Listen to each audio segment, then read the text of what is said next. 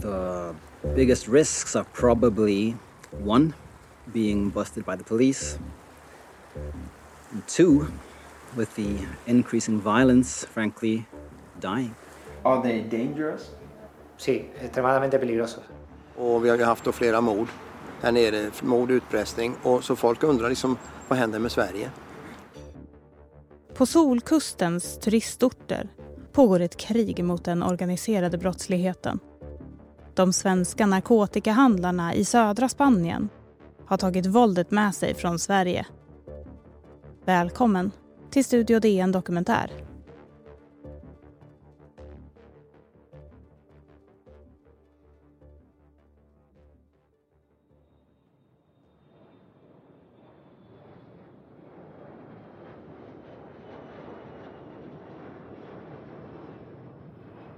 Mellan tre och fyra timmar, beroende på vilken flygplats man väljer. Längre än så tar det inte att lämna ett höstkyligt Sverige och förflytta sig till den spanska solkusten. Ett 20 mil långt pärlband av semesterorter med höga bergstoppar i ryggen. Medelhavet rakt nedanför och Afrika bara några mil bort. För många turister och exilsvenskar är Marbella juvelen. Ja, men det är väl ungefär lite som med franska rivieran, att det är ursprungligen små hamnstäder eh, som har blivit attraktiva för eh, de som älskar båtliv. Det här är DNs kriminalreporter Lasse Wierup. Han har kartlagt de svenska narkotikahandlarna på den spanska solkusten. Eh, och det är golfbanor och det är fitnessklubbar och det är alla möjliga nöjesställen eh, som, som gör att det är ett eh, lätt och behagligt liv för de som har pengar. Men det är inte bara välbeställda barnfamiljer som fått den svenska kolonin att växa. Solkusten har stark dragningskraft även inom den växande kriminella gängmiljön. Backagänget, Bandidos, Södertäljenätverket, Södra Biskop, Tynneredsnätverket och mängder av andra grupperingar har de senaste åren sökt sig hit. Just närheten till Marocko, eh, där eh, egentligen den största mängden eh, hash odlas för den europeiska marknaden, är ju avgörande för de här nätverken. Eftersom det då finns en ökande efterfrågan på hasch i Sverige och man vill tjäna så mycket pengar som möjligt, ja då vill man ju ta sig så nära marknaden som möjligt.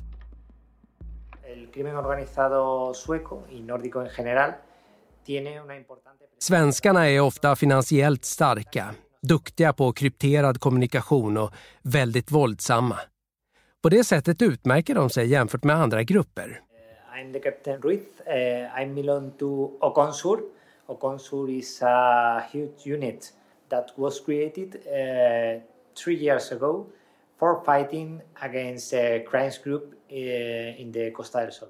Det säger kapten Juan Ruiz Espildora inom Guardia Civil, en militär myndighet med polisiära befogenheter. Efter omfattande kontakter med spanska staten har DN fått tillstånd att träffa honom och andra officerare som deltar i jakten på de ovälkomna besökarna. Eso le hace ser muy competitivo y tratar de ganar mercado eliminando al competidor, es decir, matándolo. Att så många svenskar lockats hit beror enligt vår analys till stor del på de höga narkotikapriserna i ert land. Genom att köpa hash och andra droger relativt billigt här kan de göra väldigt stora vinster på sina hemmamarknader, fortsätter Juan Ruiz Espildora. En del av svenskarna har också börjat med annan kriminalitet, bland annat beställningsmord. Det fick oss och polisen att inse att vi måste göra allt för att försöka stoppa dem. Jakten på svenskarna har pågått i snart tre år. I gryningsräder och nattliga tillslag har mängder av razzior och gripanden skett. Inom ramen för en operation som döpts till Candinavia, Skandinavien, räknar Guardia Civil, Policia Nacional och svensk polis till drygt 70 personer som antingen dömts eller väntar på åtal.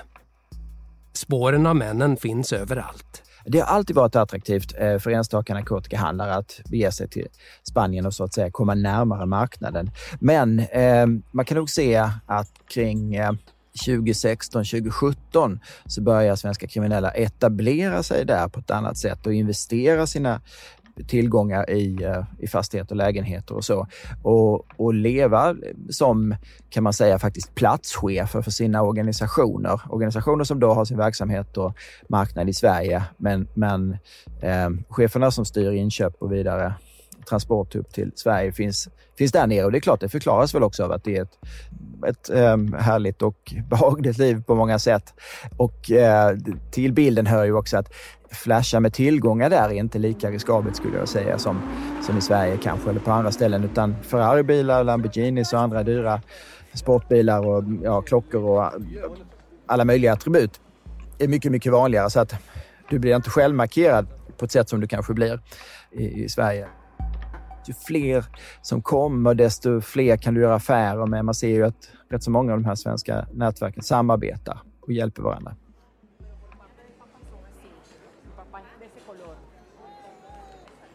Strax ovanför det flärdfulla hamnområdet Puerto Banos ligger en pizzeria som fram till i fjol drevs av gängledaren Namo Talani från Västerås. Nu dömd för beställningsmord och narkotikaaffärer. Inte långt därifrån finns ett kebabställe som tillhörde kokainhandlaren Hassan Malla i Örebro. Och i samma stadsdel investerade en tidigare chef inom Fryshusets brottsförebyggande satsning Lugna Gatan i början av året pengar i en tjusig asiatisk restaurang. Men även han misstänktes snart för narkotikaaffärer och fick sina tillgångar frysta i väntan på åtal.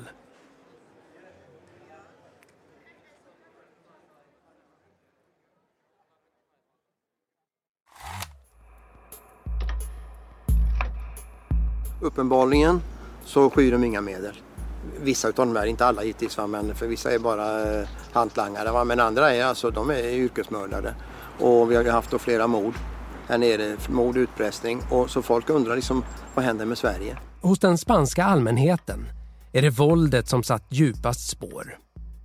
På flera platser längs Solkusten misstänks svenskar ha utfört väpnade dåd av samma slag som blivit så vanliga i hemlandet.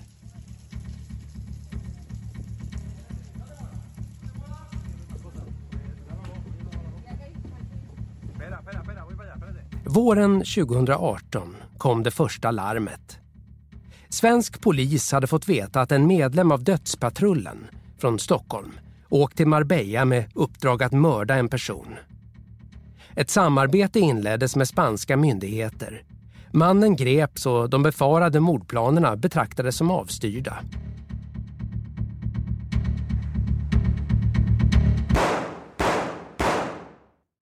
Men eh, ungefär samtidigt, i maj 2018, hördes skott utanför en kyrka i San Pedro de Alcantara, väster om Marbella. En 37-årig gym och nattklubbsägare, känd som El Maradona, hittades död intill chockade familjemedlemmar. Polisen hade tidigare erbjudit El Maradona beskydd på grund av en konflikt i narkotikakretsar. Men eh, 37-åringen hade tackat nej. Mördarens motorcykel, hittad gömd i ett garage, skulle leda Guardia Civil till Sverige. MCn stod nämligen skriven på en kvinna i Malmö. Kvinnans son och andra män hade i sin tur transporterat MCn till Spanien där den övertagits av vänner till dödspatrullen. En av vännerna kallades Boxaren. En 21-årig dansk medborgare från Malmö som hade utretts för mord på hemmaplan men gått fri. Nu misstänktes boxaren och hans storebror ha bildat en organisation som sålde mord. Innan Guardia Civil var redo att slå till hade en bilbomb exploderat och ytterligare en misstänkt narkotikahandlare mördats. I november 2018 greps ligan, som trots det danska inslaget döptes till Los Suesos unga killar från Malmö. Idag mellan 22 och 26, 27. När de etablerade sig här eh, 2018 så var de ju ännu yngre. Eh, och lockades ehm, som man misstänker också av eh, möjligheten att tjäna pengar på narkotika, men kom ganska snabbt in i Eh, en roll där de eh, blev utförare för andra kriminella utförare på det sättet att de, de misstänks då ha iscensatt sprängdåd och eh, utfört mord på uppdrag av, av äldre, mer etablerade narkotikabrottslingar.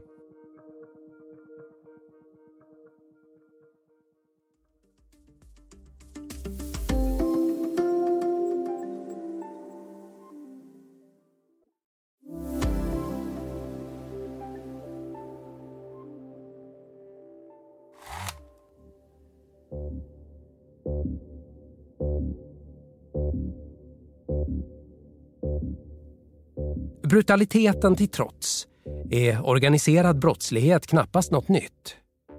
Faktum är att Costa del Crime, brottskusten, varit ett begrepp ända sedan tidigt 80-tal.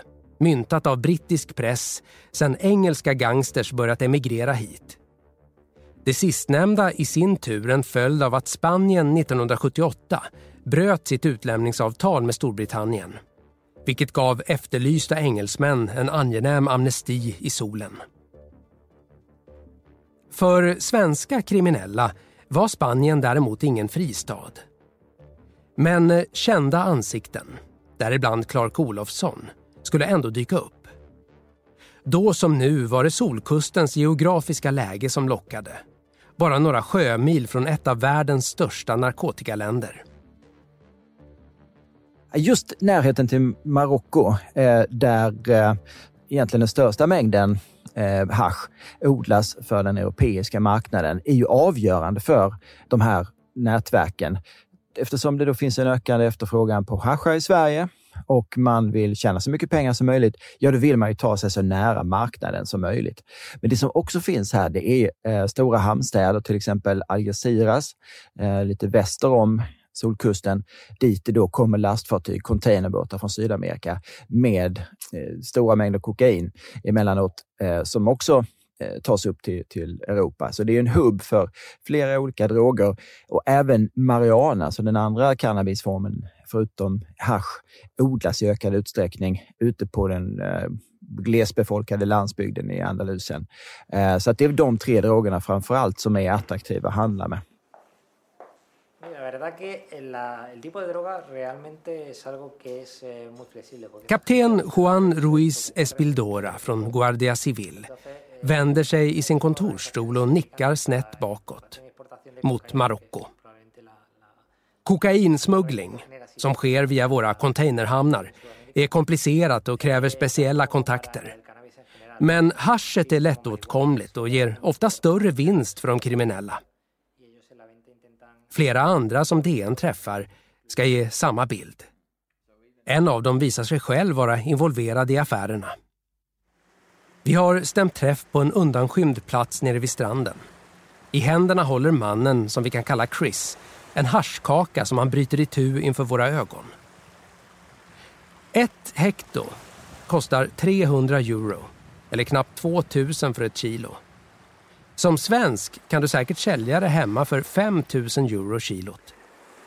The biggest profits are in the hashish trade. Because of the proximity to Morocco and the different smuggling paths up north, that is the biggest activity going on down here. what I know is that Swedes transport hashish to their country and that some of them have been very violent during the last few years.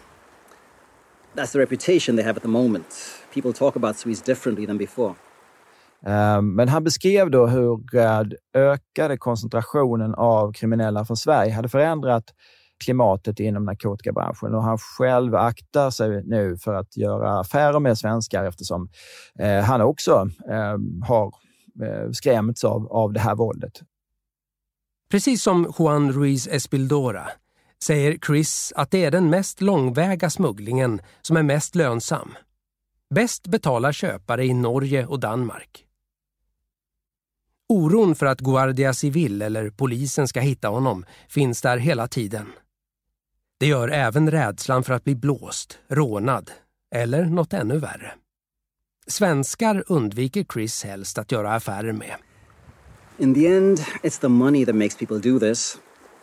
So many people have become more careful when it comes to owning things and showing off your assets, like some people thought they could down here. You just try to be more discreet.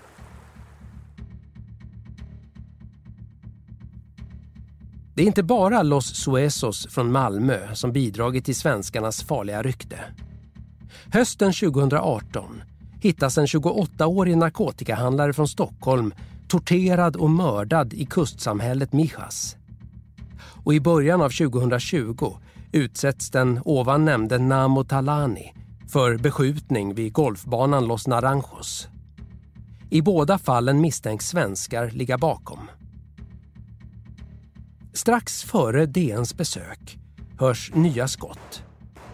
Den här gången i ett villaområde med välskötta trädgårdar och palmer i rader.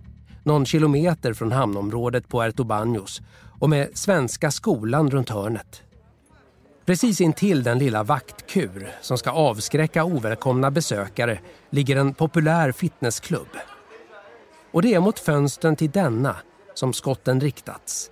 En natt i september när klubben varit tom.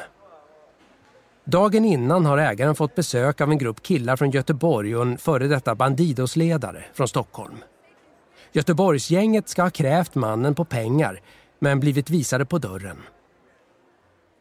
Dagen därpå spårades Göteborgsgänget till ett hyrt radhus i det lugna bostadsområdet Ben Havis uppe i bergen.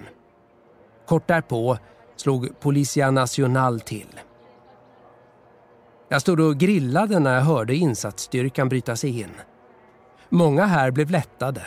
Gänget hade skapat otrygghet redan innan, säger en granne som heter Åke Olofsson.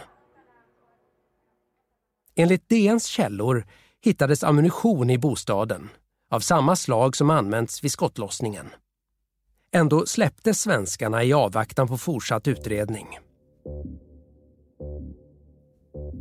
DNs granskning visar att göteborgarna är kända kriminella i svansen kring Bandidos som konfronterats av spansk polis flera gånger tidigare. Bandidosmannen från Stockholm driver i sin tur ett säkerhetsbolag tillsammans med en före detta svensk polis. Är affärsidén att bedriva så kallad beskyddarverksamhet mot svenskar i Marbella och låta göteborgarna stå för hotbilden? Detta och tidigare beskrivna fall visar att det som händer i det ena landet lätt kan få följdverkningar i det andra. Medan pengabråket i Göteborg alltså tycks ha blivit ett spanskt problem har de tidigare brotten gett konsekvenser i motsatt riktning. Namo Talani, som besköts vid golfbanan, har nyligen dömts för ett hämndrelaterat attentat i Södertälje. Tortyrmordet i Mijas 2018 ledde i sin tur till att offrets vänner nyligen åtalades för attentatsplaner mot en gängledare i Bredäng i Stockholm. Det är ingen tvekan om att Sverige och Spanien måste jobba ihop för att stoppa de här organisationerna, säger kapten Juan Ruiz Espildora. Nära samarbete pågår numera också mellan länderna. Ja, det finns då någonting som heter en Joint Investigating Team som eh, är bildat vid Europol i Haag. Och när man då har bildat ett sånt så kan man kommunicera eh, snabbt och effektivt länderna emellan, polismyndigheterna emellan också på åklagarnivå. Eh, vilket då gör att man kan dela information snabbt. Och Guardia Civil i Eh, Eh, Madrid, som jag också besökte, är liksom hubben för det här underrättelsesamarbetet. Eh, det förekommer också att svensk personal tar sig till Spanien och eh, agerar med godkännande av spansk domstol och till och med har infiltrerat, som vi kan nu berätta i, i minst ett fall här, en, en svensk liga.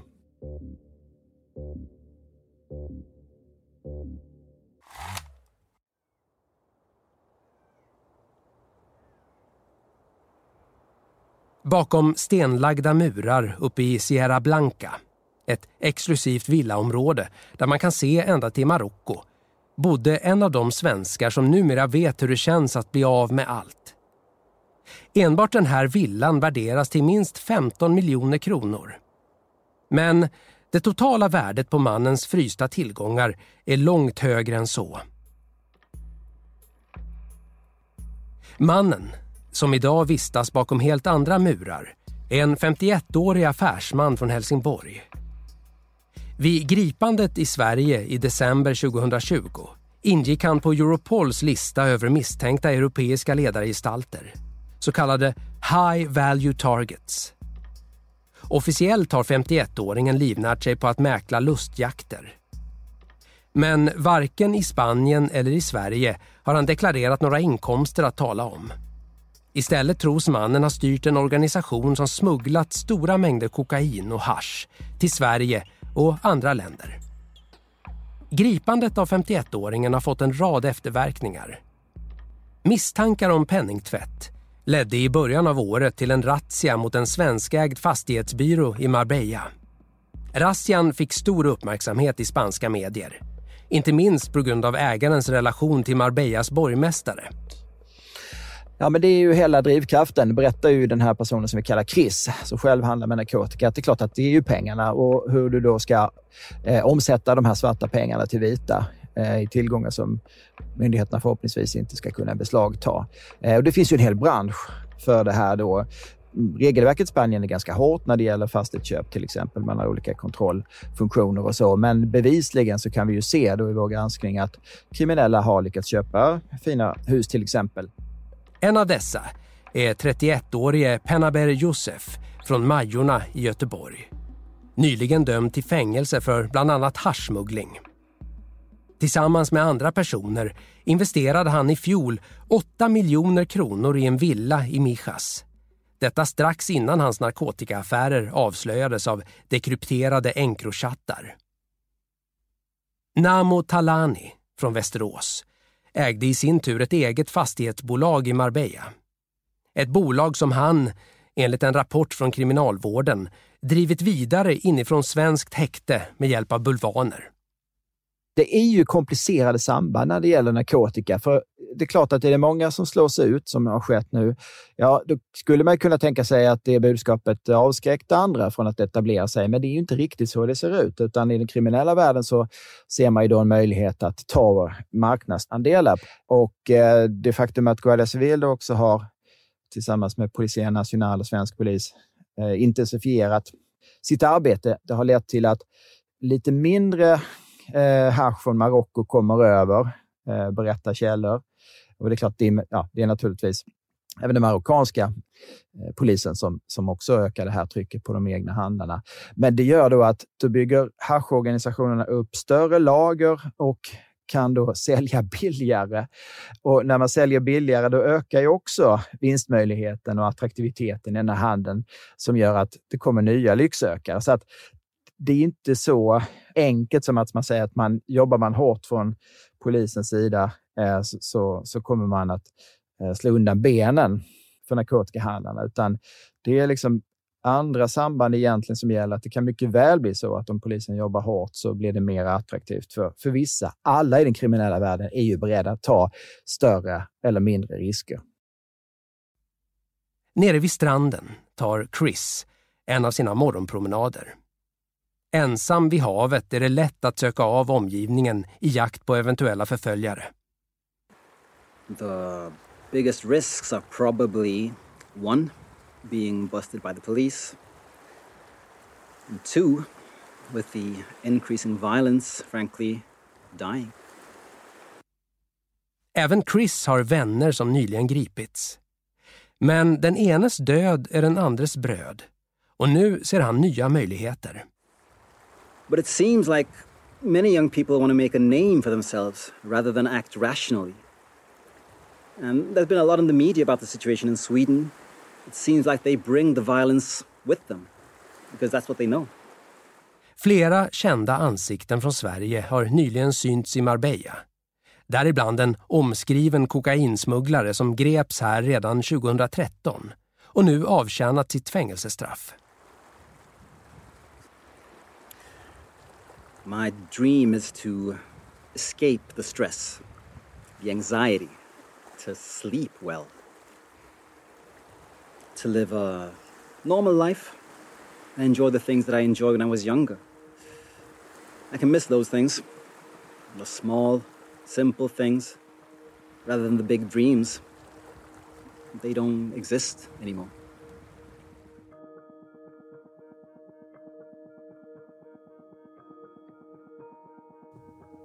Det här avsnittet har producerats av mig, Maja Eriksson.